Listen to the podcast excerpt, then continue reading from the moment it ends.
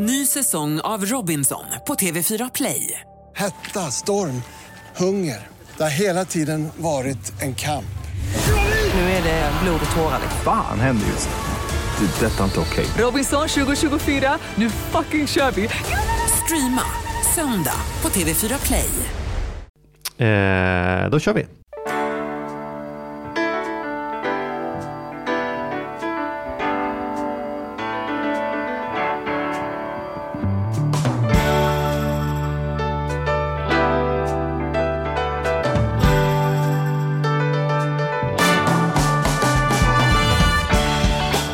Välkomna till Ekonomi på riktigt med Charles och Mattias. En podcast om ekonomi i samarbete med tidningen Tara. Hur är dagsformen med Mattias Andersson? Toppen! Ja, den, nu- här, den här dagen börjar ju sådär kan Nu jag säga. är vi inne, men vi var ute ett tag. Vi var... jo men alltså, du lämnar ju alltid innan, vi, alltså primus, innan vi börjar Ja. podda. Så du är alltid på plats när jag kommer. Mm. Och våran producent Petter eh, mejlade oss i helgen och sa att eh, ni får, jag är inte där men, men kan, jag har riggat allting så det är bara att ni trycker på play typ. Ja men jättebra, inga problem. Och sen så kom jag hit då en kvart innan det var dags. För jag hade försovit mig. Ja, och det var ingen Charlie där och det var ingen som svarade i telefon. Nej. Och sen så ringer jag producent Petter, ingen som svarar. Och sen så kommer gästen. Mm. Och sen står vi där. Ja. Eller jag står där. Kommer inte in. Kommer inte in, har ingen gäst. Mm. Men då fick vi ringa lite grann, vi fick tag på en annan kille som hade nyckel till kontoret. Och så fick vi åka en sväng ut till Mälarhöjden. Och Mm. sen, och sen dök du upp eh, någonstans där mittemellan. Och sen så... Och nu sitter vi Nu är här. vi inne i värmen äntligen. Nu så. Det var väl skönt. Hur tror du det påverkar vårt poddande att vi har varit, eh, gjort en sån här gruppövning som det hade hetat om vi var ett företag? Någon sån här, Nej, jag tror att den är bra. ja, teamwork. Nu är vi på hugget, nu Ja. vill vi liksom börja snacka här. Hoppas det märks nu. Om ni Mm. märker när ni lyssnar idag att jädrar vad de var på hugget. Mm. Då är det för att vi har eh, gjort en teambuilding-aktivitet. Eller så är det för att det är ett jävligt intressant ämne Det vi har det idag. också. Alltså det här är ju här... Och nu ska jag få ställa alla de här korkade frågorna. Korkade. jag visste att du skulle hugga på det. Ja. Eh, nu ska jag få ställa alla de här tokiga frågorna som kanske många undrar. och, Mm. Eh, I alla fall som jag undrar. Eh, och ämnet vi ska prata om idag är som någonting som Ja, väldigt många berörs av dagligen höll jag på att säga en gång i veckan Nej, men dag... Vi ska prata om vin.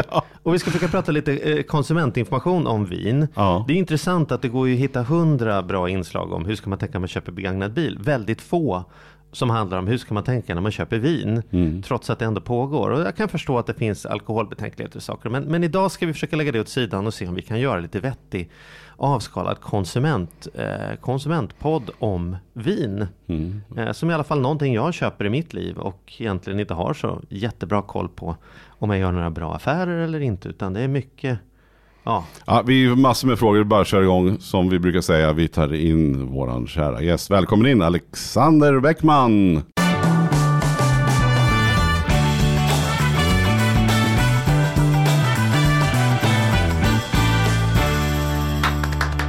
Tackar. Och, och det, det är ju inte vilken, vilken vinkille som helst. man blir hur? glad bara man ser dig. Jag har bara positiva minnen kring ditt ansikte. Ja, men det är ju för att jag håller på med vin och serverar vin. Ja, Det är ju en väldigt, väldigt bra syssla. Det är, man, man har oftast positiv imprint på, på folks, eh, på folks eh, minnen när man håller på med det. Men känner du igen det när du går på stan att, att folk som, inte, som känner igen dig men inte kan placera dig, deras utgångspunkt är så här, hej! att de har om det det ändå är det hade så väl. undermedvetna något sånt där positivt Jag ska, det. jag ska börja försöka fundera på det här. Det hade ju varit fantastiskt. Ja. Vilken grej det hade varit. Ja. Det hade jag tyckt om. Nej men du är ju inbjuden till oss därför att eh, både Charles och jag eh, Har druckit vin i din närhet. Ja, i din, precis, många gånger. Därför att du driver våran favoritkrog i stan. Som heter restaurang Nook. Eh, som serverar fantastisk mat och också fantastisk dryck till. Där, du, där man ofta får en lagom lång utläggning om varför man ska dricka och vilket vin man dricker till just den här maträtten. Och jag blir så jädra impad varje gång för att det, det smakar ju som du säger att det ska smaka också. Jo, ja, men, det- ja det gör det ju. Annars hade jag ju absolut inte kunnat mitt jobb. Nej, och för du är då, dels så driver du restaurangen Nook, men du är också sommelier som det Precis, heter. exakt. Som, vad, vad är en sommelier? Berätta. definitions, definitionsdelen på en sommelier och var det började var ju för många hundra år sedan i Frankrike där man hade gamla slott och det, man inte buteljerade vin och så vidare utan man höll på med, med stora tunnor i källaren och så vidare. Och det var helt enkelt han som höll ordning på källaren. Släppa in, såg till och beställde nytt vin, prova av. Vin blev dåligt mycket, mycket, mycket snabbare, mycket oftare på den tiden. Då någonstans så kom ordet sommelier in eh, utifrån det franska ordet som, som egentligen betyder, betyder eh, packåsna liksom. Slitvarg. För det var rätt kämpigt att hålla på med de här, med de här tunnorna och det var ett rätt hårt jobb. Men i dagens läge så är det ju uppenbarligen någon som jobbar på, på restaurang som har, eh, har eh, kompetens och ofta ansvar om dryck. Öl, vin, sprit, eh, kaffe, te, ofta inblandat. Till viss del cigarrer och sådana här saker. Men, men mestadels hur, vin. man, ja, man tänker på att det är den som kommer fram till bordet och liksom säger någonting. Va? Mm. Men, men, men hur mycket engagerad är man liksom i, i hela processen som sommelier? Vad, vad liksom, är det man den som köper in all dryck? Är man med och sätter menyn? Eh, Alltså, Det, hur, det, hur det beror ju lite på var man jobbar. Alltså, restauranger eh, har ju olika storlekar och olika sätt att arbeta på. Men det finns ju alltid någon, en, huvud, en chefsommelier som köper in och ser till att vin finns. Den personen är oftast involverad i mat och dryckeskombinationer tillsammans med kök likaså.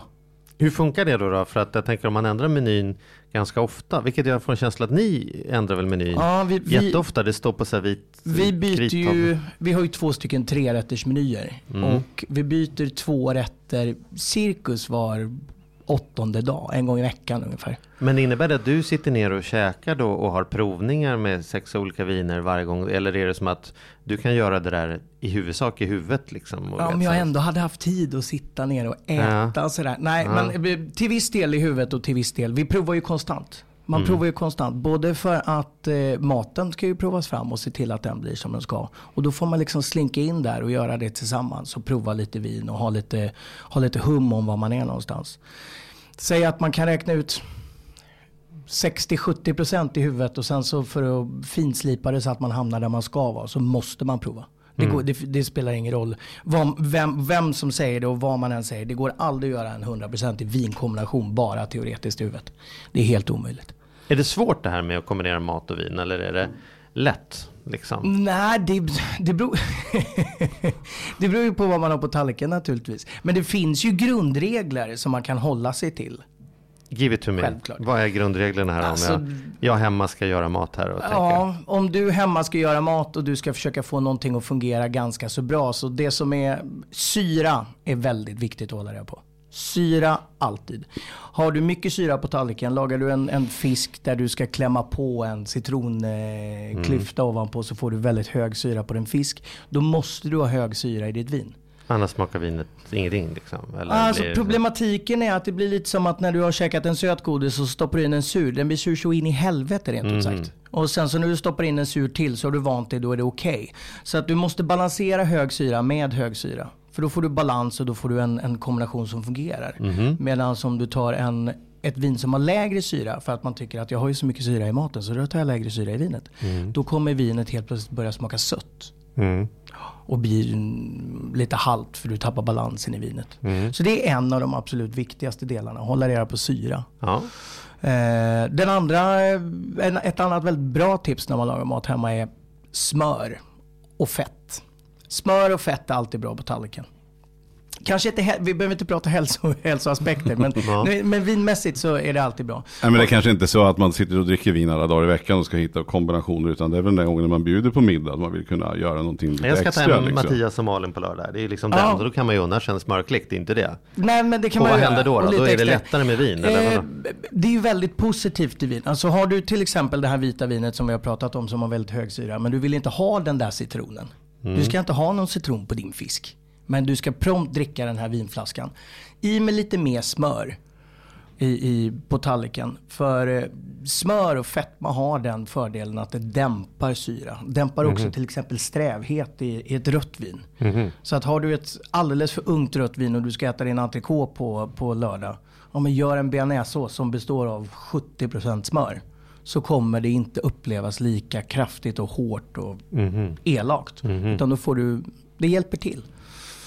Jag, jag lär mig saker redan, vad fantastiskt. Ja, det här är ju Men, superintressant. men du, okej, så men, vi börjar från bör- början. Du, Mattias nämnde någonting i förbifarten som jag ändå vill att du ska få kommentera på. Att du gör lagom långa utläggningar. Tänkte du på att han sa det? Man får höra lagom jag blev mycket väldigt, om jag, vinet. jag blev väldigt glad när han sa det. Ja. Jag tycker det är väldigt viktigt. Vad, vad tänker du in i det begreppet? Ja, men det är väl lite ungefär som att ni, att ni skulle sätta er och dra en sån riktig eh, idiotbalansräkningsgenomgång Mm. med mig. Så någonstans om tio minuter så hade jag tröttnat och slutat lyssna. Mm. Kan För du det, se att det är klart jag kan trenden- läsa en balansräkning men är definitivt inte som ni. Men kan du se den trenden hos sommelier då? För att det är därför som jag tycker det var intressant att du sa det. Att det har gått ifrån att det känns ibland som sommelier vädrar morgonluft. Att nu finns det intresse. Och då blir det så jädrans pratande så att vi hinner inte fira födelsedag. För att man säger så här, det var gott. Ja, och då beger vi oss tre kilometer söderut. Och där vet du, där finns en liten gård som heter det. Och där bor en kvinna som heter Susanne. Och hon har i flera år, eh, och inspirerad av henne, finns det här Alltså, jag- jag- kommer, jag- man bara säger, åh herregud, ja, maten kallnar liksom. Jag ens- tror att, att eh, man har tagit det här med storytelling lite för långt. Ja. Ja, det, det kom för ett tiotal år sedan så, så började folk prata väldigt mycket om storytelling i våran värld. Och eh, det är ju självklart jättebra. Supernice. Men det, man, man måste ju, vad man än gör när man serverar någon vid ett bord, vare sig man håller på med vin eller mat eller sprit eller vad man än gör. Så du måste ju naturligtvis ha lite känsla och hålla koll på vem det är som sitter till bords. Så är det ju. När, när min farmor kommer och fyller eh, 87 så kan ju inte jag dra en utläggning om Bourgogne Grand Cru liksom. Nej, det känns det lite som det kvittar. som ska stå i det kanske är då. bättre, ja precis. Och det kanske är bättre att hon får sitta där och tjafsa med barnbarnen. Liksom. Ja, ja. Eh, och det måste man ju vara, det måste man vara lyhörd för. Det handlar ju om att ge den personen som sitter till bords rätt typ av service. Och då får man ha lite längre utläggningar om vin ibland. Och så får man ha lite kortare, koncisare utläggningar men få med det som är relevant. Liksom. Jo, för, för det är ju också så här, jag kan tycka när jag väl går ut på, på, på krogen och äter och dricker så vill ju jag få veta. Så jag blir ju jätteglad och, och, Ja. Och jag känner ju att det smakar bättre. Jag känner ju efter de där tonerna som du säger finns då. Att du, kan känna eh, lite björnbär i botten. Ja, och då, då sitter man ju lite... alltså. Ja, men det där gillar man ju. Här. jag Björnberg så kommer du hitta Björnberg. Det är Ja, också så, exakt. Och, och det där är ju, ja men jag gillar det så länge jag vet, så länge jag tror på det. Så länge, så länge det du säger ändå är sant. Så, så, så tycker jag det är jättehärligt att känna den där björnbärssmaken. Och sen hittar man ju sina speciella sorter, alltså det här med druvor och sånt där. Alltså, alltså den, här, den här passar mig. Och det, på tal om det här, och, går det inte också lite grann i trender det här med vad man ska dricka för sorts vin? Jag kommer ihåg den här filmen, vad heter den här filmen? S- Sideways. Ja. Där Pinot Noir-druvan fick en kick i hela världen. Liksom. Ja, herregud. Alltså, jag tror att, nu kommer jag inte ihåg siffrorna för det var så länge sedan, men Pinot Noir-försäljningen i USA gick upp med typ så här 47 procent. Och Merlot som de gick runt och sa att det var jävla skräp, eh, sjönk med 73 eller något sånt där. Folk började riva upp sina Merlot-stockar och plantera om och grejer i USA. Det var helt sjukt. Helt sjukt. Men, men, så det kan man ju konstatera att, att bara för att, alltså, att det går mycket mode i vin så, så man inte kan liksom hänvisa till kvalitet eller till smak. Utan säga, nu är det här dyrare för att nu har alla snöat in på att det ska vara liksom Rioja Alltså, var ju det enda vi- som gällde ett tag och sen nu är det inte som att Rioja är det, oh är det en Rioja? som Alltså så här, Nej, men så, så vi har väl inte så, vi har väl inte så mycket och, och, och, och eh, vi sommelier har väl inte så mycket att säga till om, om pris på vin. Det, självklart så kan man ju, så finns det ju någonting som heter eh, tillgång och efterfrågan. Men, men där har nog inte vi riktigt eh, jättestor makt.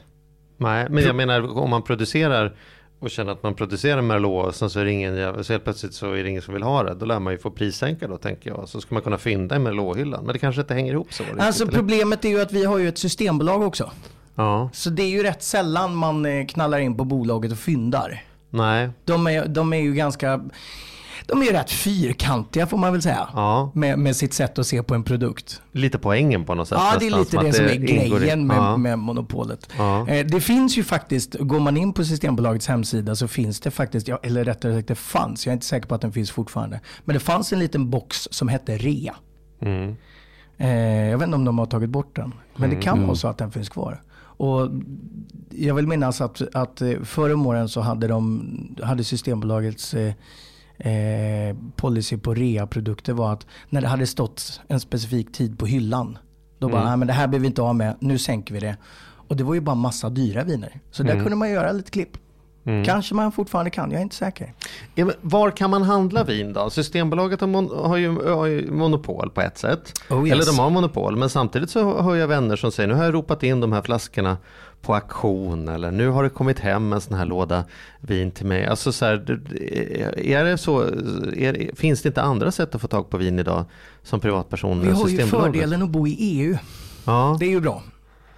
Eh, så att idag kan man ju handla vin på nätet. Jag handlar är allt på okej. systemet, så lär mig, vad gör jag för fel då? Betalar jag onödigt mycket Men då? jag säger eller? inte, nej det, det absolut inte. Nej. Definitivt inte. Det tycker jag inte på något sätt att du gör. Utan Systembolaget har en rätt vettig prissättning.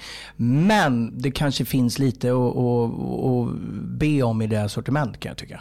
Ja, för det är svårt att göra någonting som ska funka för alla och tro att man ska liksom Ja, få och sen alla. så tycker Systembolaget det är väldigt roligt att säga att man har världens absolut största sortiment med sjukt mycket produkter. Börjar man titta på produkterna så det är rätt många, men det kanske är ganska många man kunde hoppa över också. Så att det är mycket att- samma? Eller att Nej, det är, det är rätt mycket skräp rent ut Aha. sagt. Ja. Eh, jag tror att de har cirkus 4000 produkter eller något sånt där. Och, och eh, det man absolut inte har är ju till exempel saker och ting som har lite ålder. Det är väldigt sällan man kan hitta vin med, med lite ålder. Och då finns det ju x antal olika sajter på, på nätet där man kan köpa vin. Mm. Eh, det finns aktioner och det finns eh, många företag idag som inte gör annat än att, att bara sälja vin till, till svenska befolkningen. Det finns ju till och med en Svenska vinnäthandlares förening eller någonting sånt där. Som finns. Och det, som man ska vara, det, som, det man ska vara klar över är att det är fullständigt lagligt och det går alldeles ypperligt att handla. Men det ska man vara klar över är att man ska ta reda på vem det är man handlar med. Det är relevant att se till att de betalar din alkoholskatt. Mhm. Det är väl huvudpunkten när man handlar på nätet. Så man inte hittar någon liten gammal trött försäljare längst ner i södra Italien och så köper man hem en pall vin och sen så helt plötsligt Kommer så... tullen där och säger hej? Ja, det kommer väl ett brev från tullen antar jag. Där det står så här, du har en pall vin och, och tulla ut eh, här. Vi ska ha alkoholskatt på 600 flaskor vin jag att. Ja, ja. Så det, det är viktigt att titta på. För eh, det är uppenbarligen en prisbild. Helt plötsligt, fan vad billigt det var här och så är det helt, finns det inte en skatt. Men, men hur hittar man de här sajterna då som är seriösa där man kan gå in och hitta bra viner? Vad, Alltså, har du något, den- finns det något den så här vinportalen? Den största och, och eh, äldsta får man väl säga är väl Winefinder. Ja. Winefinder.se. Ett företag som är baserat i Danmark. Eh, det som har hänt på sista tiden, de senaste tre fyra åren, är väl att det har börjat ploppat upp massa sådana här företag som Typ som de gamla klassiska bokklubben där man liksom prenumererar på, på mm, en låda. Så kommer det en låda vin. En gång i månaden eller var tredje månad eller vad det nu är. Är det prisvärt skulle du säga? Eller, eller blir jag lurad då Det på den här är, det där björnbärsgrejen? är att, eh, skitsvårt att, hålla koll på. Eh, för att det finns, eh, man är ju naturligtvis nyfiken och det, de här företagen dyker ju, upp, dyker ju upp ganska ofta i ens flöde på, på Facebook och Instagram och sådär. Oftare ditt än mitt tror jag. Men det, handlar om nog al- mycket- kan nog algoritmfråga. mycket väl ja, vara så. Vissa är ju frukt, det är ju katastrof. Vissa är ju som att fan vill bli vansinnig. Ja. Och medan vissa sköter sig väldigt bra. Men hur lista, hur kan, finns det något sätt för dig att lista ut det då? Om du får ett erbjudande här på köp hem en låda det här till jul. Hur kan du, hur, hur googlar du priset för att se om det är detta prisvärt liksom? Nej. För du kan ju inte kunna alla priser Nej. i huvudet. Så här, en 2012 på en sån här, vad borde Ja, den ligga lite, på? Jo, men lite feeling har man ju självklart. Men jag jobbar ju med det här varje dag. Ja, Men vi kan väl säga så här. Kommer någonting i en trälåda, kostar under 100 kronor. Eh, med alldeles, alldeles för, för säljande text under. Ja, Skit i att köpa det. Det det är lite sådär när du åker in till, till ärliga eh, Allans bil eh, och ska köpa den där begagnade bilen. Så, så när han säljer på lite för hårt liksom, då är det så här, fan det här, nu får jag nog ta och, och, och lyssna lite extra. Det är tyvärr jätte, jätte, jättemycket skräp som, som slinker ut ur de här eh, sajterna. Och det är tyvärr jätte, jättemycket Eh, ja, det, blir, det blir dyrt helt enkelt. Även om vinet kostar 89 eller 98 spänn så det är inte relevant vad det slut, prislappen är. Det som är relevant är ju vad, vad den borde kosta. Och den kanske borde kosta, jag kan ju tycka att den kanske borde kosta 63 liksom. Eh, då tycker jag definitivt att det, man ska knalla till Systembolaget. Men om vi pratar 63 eller 89 då. Finns det någon sån där, jag tror nästan alla som jag känner som dricker vin, som inte har det som hobby, utan som bara dricker vin, har satt något sånt där pris. Som jag säger så här, om, jag, om jag går hit upp, då får jag ungefär den kvaliteten som, som, jag, Som jag vill ha, Som ja. jag klarar. Mm. Alltså så här, jag köper inte liksom det här Blue Nun för 57, liksom, utan jag har konstaterat att om jag går upp till 90 kronor, då får jag ett vitt vin Då är jag som jag njuter känns det av. bra, Men om det liksom. kostar 200 eller 90 kronor kan jag ärligt talat inte i, i, i 9 gånger 10 ett blindtest säga Det är jätte, jättevanligt att man säger. Och det Var- stämmer aldrig. Var, Och så där resonerar jag. Det stämmer aldrig. Vadå? Stämmer aldrig. Jag kan det. Nej, men det absolut vanligaste är som jag hör det så här, nej men jag känner ingen skillnad på det i alla fall. Och efter ett gäng år så tröttnar man ju på att höra det här. Så det, Mm. jag börjar ju ställa ut glas till folk. Bara, men prova de här två bredvid varandra. För det man aldrig gör, som, eller väldigt sällan som privatperson, är att man provar aldrig vin mot varandra. Mm. Utan man har köpt en flaska vin och så drack man den i lördags. Bara, ja men det där var ganska gott. Ja men vi provar den här nu på fredag. Ja fast den här var nog inte lika god som den i fredags. Nej men vad fan det var en vecka sedan du drack den. Nej det kommer du liksom inte riktigt ihåg så bra.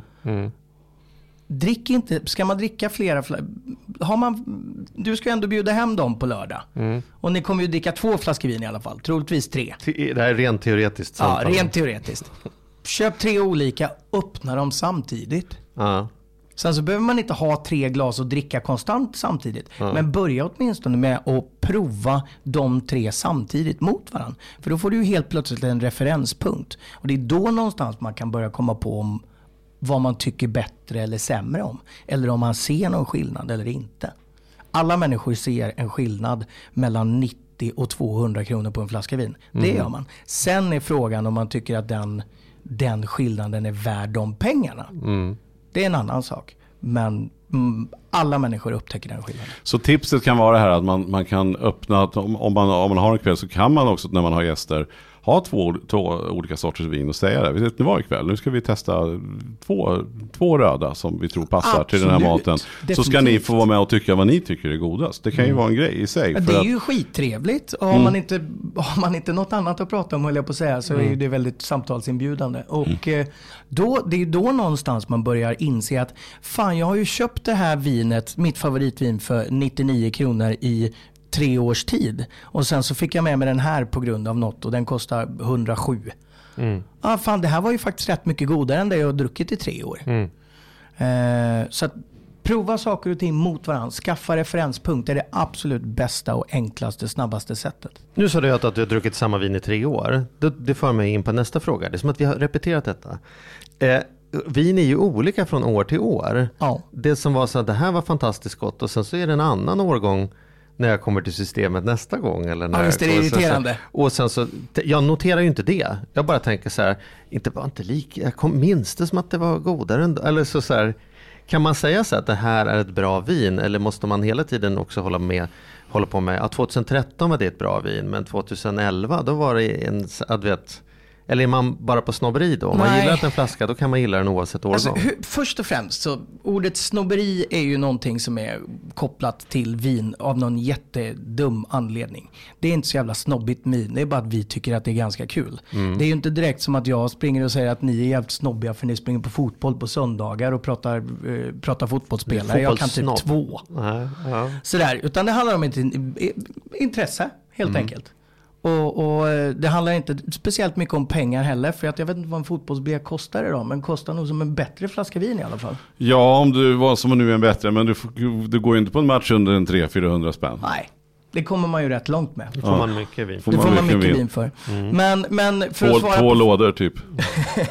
för att svara på frågan du ställer om årgångar. Så, alltså, ah, vin som kostar under, låt oss säga 120 120-140 spänn på Systembolaget är ju också producerat med konsumenten i åtanke. Så det är ett vin som är eh, som man producerar i en stil som är ganska så konstant från år till år. Det Man ganska- försöker pricka. Ja, man försöker liksom hålla en, en jämn linje för att du som konsument inte ska behöva behöva bli så besviken över årgångar eller så vidare. Så Men det, gör- det är ju man- jätteintressant, förlåt nu bara hugger jag direkt där. Ja, jag som är lite champagneintresserad, en annan historia. Men där säger man ju det att, att de köper från de här jätte som gör jättegrejer. Deras mål är ju inte att göra baserat på det de har, det bästa. Utan deras mål är ju att allt ska smaka likadant. Ja, och precis. framförallt kännas igen från förra året. Standard, standardchampagne från, från stora hus ska ju alltid smaka likadant.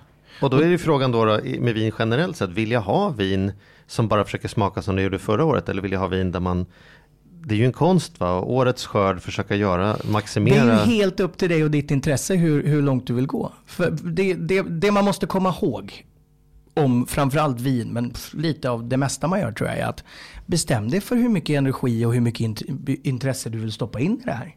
Och så lägg det på en nivå som passar dig. Och vill du vara årgångsnörd och vinnörd, ja men bli det. Good on you, kör. Vill du inte det och tycker det är gött att ta ett glas, glas vin på fredag och det fäster alldeles ypperligt för dig att dricka en bag-in-box. Ja men drick bag-in-boxen då. Jag har inga problem med det.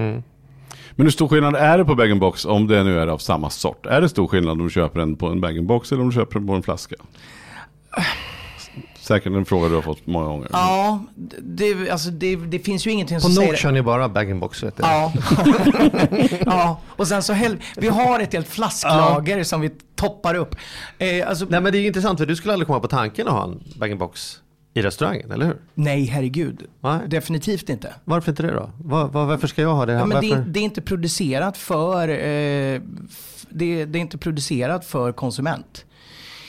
Det är producerat för att någon som inte riktigt vill tänka på vin och tycker att det är smidigt att man kan ta ett glas då och då och, och eh, att det ska fungera. Och så är det väl tyvärr producerat för att man ska kunna tjäna ett par spänn som leverantör på det också. Mm.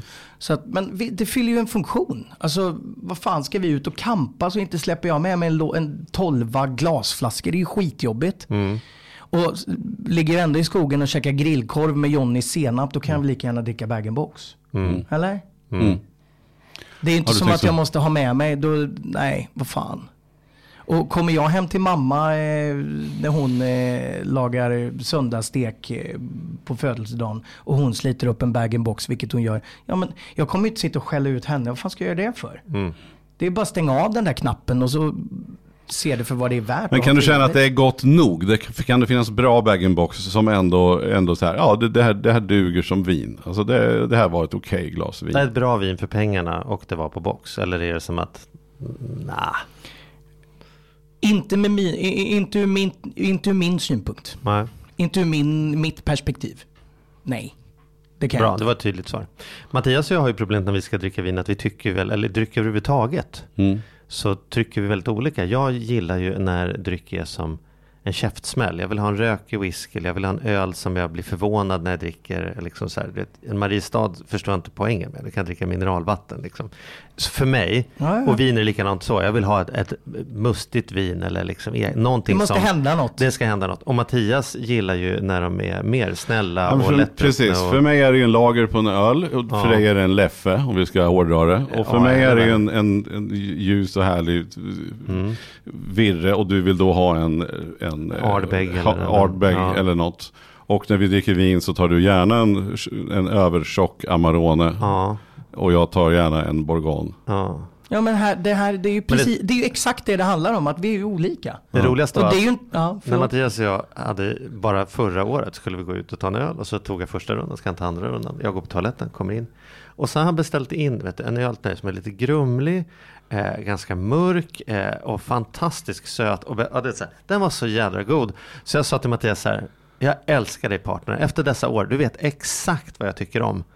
Och det skäms Mattias lite sen så här, det var inte så svårt. Jag bara sa till bartendern, ge mig det mest komplicerade och svårdruckna du har. Och det, det är dagens ja, exakt Faktiskt så var det så. Ja. Men, men då tänker jag att det, dels har man ju olika preferenser vad man gillar, men sen måste, finns ju också det här för- Rentina-fenomenet. Att saker smakar olika beroende på var jag är och vilken sinnesstämning man är. Man sitter i. Thailand och dricker någon öl och bara säger så här, det här är fan, fan, den godaste, var." kan vi få den här i Sverige? Och så smakar det ju rävpiss när man kommer hem. Hur många har inte köpt, suttit på någon vacker taverna i Grekland och druckit en jävla Retina-vin och sagt så här, det här är ju livet. Och så kommer man hem och säger, det här går inte att dricka det här liksom. Jag Nej, vet inte det- vad man ska göra med den informationen men ibland Nej kan men vi vi också... håller på, det, ju, det handlar ju om sinnen och hur vi mår. Ja, sitter man Alltså- på Nok där och smakar, käkar liksom en gris som någon har öst kärlek på i två dygn i en steambuns och så kommer du med något som smakar lite björnbär där, då, då gråter man ju Då blir man ju glad, Och så liksom. kommer man hem med så här, här älskling, nu vet du, till tacon ska vi köra den här. Jag ska köra en gris här. Nej men det, är- det är klart att det måste ha med det att göra. Det är ju ingenting att diskutera. Man, man åker utomlands, man har semester, man sjunker ner i solstolen, man mår så jävla bra. Alltså du kan, det är ju väldigt svårt att få en att må dåligt just då. Det, på, det, det påverkar ju säkert förhoppningsvis mat och, och hela, hela alltihopa. Men, men eh, när man sitter i mörkaste december och är lite smådeprimerad och tänker ja, men vi tar ett glas vin och så slits man upp. Det här var ju så gott i somras när det var sol och grej. Det, ja, det blir ju lite annat. Det blir inte samma. Nej, Vi skiter i vinet, vi kör en fireball. Jag Ja, precis.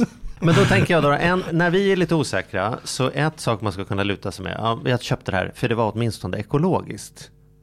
Ja, gud. Ja. Eh, då, så ja, här ser jag ju, jag behöver inte ställa några följdfrågor, jag ser att det händer någonting med dig direkt. ja. Prata ekologiskt och vin, se vad Ekologiskt och vin. Ja. Till att börja med, är ekologiskt något som gör stor skillnad? Jag vet ju om jag köper ekologiskt kött eller inte, så kan jag ju ändå förstå ganska tydligt liksom, miljöpåverkan. Vin Alltså, är svårt för mig att bedöma, vad är det? Först, först och främst, jag, jag tycker ekologiskt är en fantastisk grej. Det är klart vi ska hålla på med ekologiska råvaror och så mycket som möjligt och så vidare. Absolut. Sen så är jag också den typen av människa som tycker att, jag vet att ni pratade, innan vi gick- in så pratade vi någonting om att köpa bil. Och då kom vi fram, då var det någon som sa så här att det finns ingen anledning att köpa en ny hybrid. Den är inte lika miljövänlig som den bilen jag har, för den har inte gått sönder än. Just det, att tillverka en hel ny bil är mycket större miljöpåverkan. Lite så. så Ja. bara, för att, bara för att man använder ordet ekologiskt så behöver det inte betyda att allting är bäst i hela världen bara sådär. Mm. Utan man får ändå använda hjärnan lite kan jag känna. Men har de Eh. fått en orättvis, tycker du? Är de onödigt I dyra och onödigt hyllade? Att det blir lite så här, jag, jag kan kalla det ekologiskt. Det, det som jag kan tycka eh, i vin är att ekolog, eko, ekologiska eh, delen i vin började som, som en selling point på Systembolaget. Mm. Eh, Så det började liksom i fel ände. När vi knallar ner på ICA och köper en ekologisk gurka så blir det väldigt lätt att ta på det ekologiska. Det är så här, okej du har inte sprutat på någonting här och här, eller ja, någonting. Du har ju naturligtvis gjort någonting för det måste du göra för annars funkar det inte. I så fall får vi börja odla våra egna grejer. Eh, Men det blir väldigt lätt att ta på. Medan de första vinerna som kom på Systembolaget som, som var ekologiska och kravmärkta och så vidare. Det var ju grejer som kostade 83 spänn. Mm. Och det vet vi allihopa att det kostar mer eh, att producera ekologiska eh, druvor eller produkter än, än konventionella produkter. Och vin är en, en sån produkt som tar, tar ju otroligt mycket, mycket nyans av vad du gör med druvorna. Alltså vi pratar ju jordmån och så här. Och självklart så, så spelar det enormt stor roll på vin. Så att hade vi definierat ekologiskt vin så det finns ju folk som har producerat ekologiskt vin i hundra år och aldrig gjort någonting annat. Det är bara att på den tiden så fanns det inte ett koncept som hette ekologiskt. Mm. Utan det har vi kommit på de senaste 20 åren för att helt plötsligt så höll vi på, håller vi på att ta livet av planeten. Eh, och varför man producerar det vinet likadant, eller de vinerna ska jag säga, likadant idag. Det är för att det borgar för en god kvalitet. Men då pratar vi om viner som kostar betydligt mer än det, än det vi har pratat om hittills. Men då, är- det är ju då någonstans vi kommer upp på kvalitet. Och det är ju där någonstans det blir, jag kan tycka att det blir intressant när man kanske som sagt, jag tycker om ekologiskt men jag tycker inte om att diskutera ekologiskt vin. Utan jag tycker mer om att diskutera, okej det här vinet, här har vi kvalitet. Varför? Ja men vet du vad, de producerar det precis på samma sätt som vilken ekologisk producent som helst. Men de gör det på grund av att självklart det är vettigt för deras, eh, deras jordbruk för att det ska fungera och det ger en helt annan kvalitet. Så, som, så som vinintresserade är det inte som att det är närstående att restauranger ska börja säga så här, vi kör bara ekologiska viner för vi tänker på planeten. Då, Alltså, då jag- finns det jag- andra saker i jag köket hade, man kan... hade jag, om jag ska verkligen bli ställd mot väggen så hade jag ju hellre velat ställa frågan till den restaurangen. Hur är det med ert kött? Mm.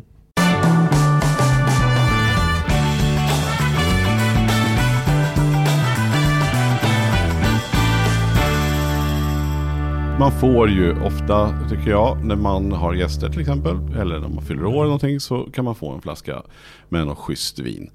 Och då tänker jag att jag alltid, då blir man så glad och sen så lägger man den där på lagring. Jag till och med skaffar mig en vinkyl för jag tycker det ser lite coolt ut. Och så tänker jag att det ska nog hålla sig bättre och sådär. Men det jag aldrig vet är ju om det här vinet går att lagra eller om det inte går att lagra. Så ibland har jag liksom, trodde jag ett fint vin och det har legat i många år och sen så säger jag till Malin att nu ska vi inte öppna den här flaskan, du vet, när vi fick den där gången när vi hade köpt stugan eller någonting sånt. Och sen så öppnar vi och sen smakar det ju bara. Det är bara att man känner direkt när man bara för upp korken lite grann så bara, ha, det här var inte gott, alltså det här är kört. Medan vissa då kan man ju uppenbarligen lagra hur länge som helst, de blir bara bättre och bättre. Hur ska jag veta om ett vin går att lagra eller inte? ja, men, Och om ja. det blir bättre av att lagra liksom. Allt vin går att lagra. Förutom bag-in-box. Eh, bag-in-box har bäst, bäst före datum. Menar du att man kan lagra Blue Nun till exempel? Ja. Ja. Sen så... gör, Vad händer med den? Blir den bättre? Blir det liksom... det, det är den frågan som är den intressanta. Vinner allt vin på lagring? Nej. Utan de vinerna vi pratade om innan som är producerade för en liksom bred massa, för en konsumentgrupp. De är ju, man gör dem så jämna i kvalitet som möjligt från år till år. Man gör dem så drickvänliga som möjligt när de hamnar på hyllan. För du kommer ju köpa den på fredagen och så kommer du dricka den på fredag eller lördag kväll. Det vinet kommer bibehålla den kvaliteten, lite beroende på vad- vad det är för vin vi pratar om. Men ett år, två år, utan problem. Men det vinner inte på lagring, det blir inte bättre. Sen så finns det ju vin som behöver lagring för att bli bättre. Men hur kan jag hitta det? För jag är ju bra på uppskjuten belöning. Jag gör affärer idag som jag inte ska casha hem på på 15 år. Jag liksom sitter ju ändå och tittar på hur, hur det ska se ut när jag går i pension. Jag skulle lätt kunna köpa upp både två, tre och tio lådor av någonting Ja, som jag vet bra, alltså. skulle vara fantastiskt gott om tio år. Om Mm. jag bara visste vad det var. Så kan jag sätta en lapp och säga så här, där kan du börja dricka 2029. Då, är- då är det läge att, att Du, du använda går de på här flaskorna. Systembolaget så tar du en telefon så fotar du flaskan så me- messar du mig den bilden. Så berättar jag det för dig. Eller tvärtom, Nej, du lägger upp några så här, årets Och bästa. alla, och alla lyssnare, här är Alexanders mobilnummer. Det är bara att ni, går- att ni går in på bolaget och skickar sms. Eller kom in på Nok på dagarna med en flaska ja, och precis, fråga. Bara, det här! eh, nej men alltså, det finns ju så otroligt mycket vin i världen. Det finns ju enorma uppsjöar. Och, och det är lite det, jag låter lite tråkig när jag säger att ju mer pengar du betalar ju mer behöver du lagra. Det är väl inte heller direkt sant. Men, men ju högre koncentration och ju högre kvalitet du har i flaskan. Eh, ju mer tid behöver vinet i flaskan på sig att, att eh, bryta ner vissa partiklar och, och landa och bli moget så att säga.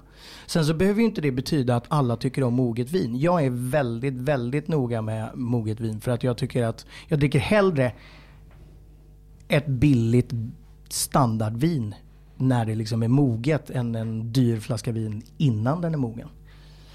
Eh, Men alltså en Bordeaux kontra en Bourgogne kontra en flaska Barolo. Det, de har ju liksom olika kurvor. Och det är rätt många parametrar. Det finns liksom ingen quick fix på det där. Eh, självklart så kan man ju alltid titta på vad Systembolaget skriver. Det kanske inte riktigt är helt rätt jämt alls. Men, men eh, det är sällan, jag, jag tror att det är sällan den generella konsumenten när de har stoppat in 250-300 kronor på en flaska vin lagrar sönder den.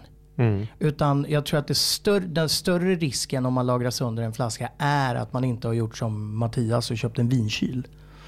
Eh, för att eh, det är betydligt viktigare för konditionen på vinet än tiden. Om vi nu ska prata om en, en, den normala konsumenten. Du vill lagra ditt vin i cirkus 13 13-14 grader. Du vill ha en konstant temperatur så att den inte går upp och ner över, över, över årstiderna. Du vill att det ska vara mörkt och ska man vara riktigt nitig så vill man gärna att det ska vara vibrationsfritt. Så det är jättetråkigt om man bygger en, bygger en vinkällare precis bredvid järnvägsspåret. Och allt har att göra med att det är energi. Du skulle aldrig göra det med mjölk heller. Eh, Du lagrar inte mjölk i 20 grader. Du lagrar inte mjölk i solljus. Och du står inte och skakar mjölkpaketet när du lagrar det för då helt plötsligt så har du smör. Och det handlar helt enkelt om energi.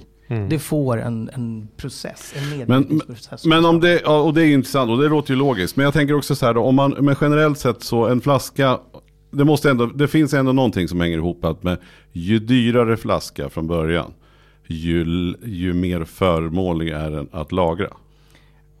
För att generalisera, ja. Mm. Så om Det jag får, en, om jag får en flaska om någon kommer eller om jag köper den själv som kostar runt 60 kronor.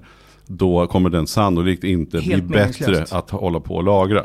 100% säkerhet. Ja. Eh, Medan om jag får en, 100 en kronor 200, finns det om jag får en flaska för en 200 då, då kan jag känna mig lugn med att den, den kommer hålla men den kommer sannolikt till och med bli lite bättre om den får ligga. Så jag, generellt tips, lägg den i fem år. Mm. Såvida det inte är en flaska Amarone. Mhm. Den kan du dricka på en gång. Ska du börja, ska du börja lagra Amarone i, i, med eh, någon större utveckling så får du nog betala 500-600 för din Amarone-flaska. Någonstans, jag vet inte vad den börjar på Systembolaget idag, men börjar de på 250-300 spänn Jag tror det kanske? finns till och med lite billigare än så. Där Ja. de har några, men, Det finns Ja, ingen nej. som helst anledning att, att lagra på något sätt. Nej. Men allt annat vin, 200 spänn, lägg det i fem år, kommer bli bättre. Jag har en kompis som lagar öl. Ja, Han köper öl och så låter han det ligga i 5, 6, 7 år. Så smakar han sig en enorm skillnad på Supernice. de som har legat. Då är det inte Falcon Bayersk utan då är det ju liksom... jag tänkte ju säga det. ja. Men, du, men om man tänker om, för det är väl också så här, jag vet inte, gin har ju blivit extremt populärt. Det känns som att det har, så här, nu, kan det vara för att det inte kräver den här lagringen som whisky gör? Att gin är väl mer smaksatt sprit och sen så är det vad det är. Eller, eller svär jag i kyrkan när jag säger sånt? Nej, det tycker jag inte. Är det inte bara att det är vandrar det är. Det är runt? Som att det var whisky, sen vart det rom och sen är det gin och så kommer det väl bli Genever-trend och sen går vi tillbaka till whisky. Jag vet inte, känns det inte som att det... Jag tror absolut att det, du, du har rätt vad det gäller trend, eh, trenddelen. Mm. Alltså, det är ju det är ju någon allsmäktig marknadsföringsmänniska som har kommit på det här som inte jag vet vem det är. Det är ju naturligtvis inte än heller, men, Mm. men eh, det, är en, det är en ren trend. Och vill man vara lite trend. trendig då som jag som har varit hos Alexander och fått ett glas när det Mm. var varmt i somras. Som, så fick jag en god vermouth. Ja. Och den, den hade inte jag ens för Det mitt liv tänka. Ja, för det hade inte ens jag för för mitt liv tänkt att den här tar man en liten som den är. Utan den hade, för mig är det en, en del i en, i en uh, draja till Ja, exempel. ja. Eh, men det fick När jag man veta fyller att på man... med gin så säger man värmet den står i skåpet. Det är så mycket värme att man ska ha ja. en... Nej men jag menar, vi- visst är det mycket trender? Det är väl, är, Ja, så är visst det. är det så. Absolut. Ja. Det är mycket trender. Men tror du att värmet kommer? Det är läge nu att ligga... st- Om man vill vara cool på jag festen skulle säger vilja man... att vermouth kom. Ja. Eh, jag hade blivit väldigt glad för jag tycker det är så vansinnigt gott. Eh, men det, det, finns ju, det, det finns ju naturligtvis massa parametrar som måste in. För, för att det överhuvudtaget ska kunna bli en trend så måste det finnas en efterfrågan. För finns det inte en efterfrågan så plockar man inte in kvalitetsvärmut i Sverige. Mm. För går det inte att sälja så finns det inget intresse. Mm. Och om, om alla bara låter vermouthflaskan stå i barskåpet och köper en i sitt liv så kommer det liksom inte finnas någon marknad och då blir det väldigt svårt. Men Alexander, du har bra så att jag ska göra ett besök på och Jag har jag ett par stycken, jag tror att jag har en fem, sex stycken men jag, man får ju tjata sig till. Liksom. Ja. Bara, ja, men ni kan väl, när ni ändå ska beställa det här av dem, kan ni inte skicka en extra låda sånt här? Jo visst, vi kan väl ta med det från Spanien då. Ja men det, jag blir jätteglad. så. Ja, okej. Intressant. Så att... Eh, Ja, värsta. Men om vi nu ska ta och försöka avrunda. Trenden, vi ska avrunda. Vi måste- Värsta trenden var ändå, ka, den, vad heter det, grappa. När alla skulle dricka grappa och det var så jävla många sorters grappa. Så jävla skit gjort på skalrester. Men har du inte provat min? Allt smakar fan fenoftalin eller skit. Det smakar Fan vad vi ska balsameringsvätska. hålla på med grappa nästa gång du Jag kommer fattar inte hur Vi kommer grappa köra kunde bli en grappa grej. till förrätt, varmrätt, dessert. Ja, ja, nej. Ingen, kan, vi, kan, vi, kan vi lägga grappa-trenden till vila? Ja, Tack. lägg- absolut. Det kan vi. Ja, vi går på värmuten istället. Kan man inte bara få Fast det dricka lite finns av ju allt? bra. Jo, precis. Lite av allt. Ja, Det är okej, bra. okej. Det är en bra Framförallt så, melodi. ska man, framförallt så ska man ju generellt skit i trenden. Prova absolut. Men tycker du inte om det så finns det väl fan ingen anledning. Nej, sen är det väl okej att tycker man något är gott så får man väl tycka att något är gott. Det behöver Exakt. väl inte vara så mycket svårare än så. Och, och tipset som jag tänker det är det här att om ni bjuder så öppna, om ni har tänkt att dricka mer än en flaska på ett större sällskap. Öppna, köp två eller tre olika. Köp två, tre olika öppna samtidigt och drick mot varandra. Bra, bra tips. Och så finns det ju massor med vinsajter och googla och ni får försöka lista ut själva vilka sajter som är seriösa och inte. Ja, man får det, titta lite man får och känna ge det efter lite och tid. använda sitt, sitt folkvett att det här känns inte så jävla seriöst. Men börja med att gå in och ta reda på det här med skatte, skattebiten. Just det, missa Ja, men inte rätt. skattebiten så ni åker på en alkoholskatt. För annars så går det alldeles utmärkt att få saker hemlevererat. Men missa Dessutom inte så den. kan man väl också se det lite som ett kvalitetstecken för de människor som håller på med, med att betala skatt och så vidare. De är ju lite mer seriösa. Ja. Mm. Det får bli dagens sista kloka sägning. Fantastiskt. Superkul att ha det här Alexander. Tack för att jag fick komma. Tack. Vi hörs och jag lovar att vi ses snart. Ja, det gör vi. Ja, det är bra. Bra. Hej!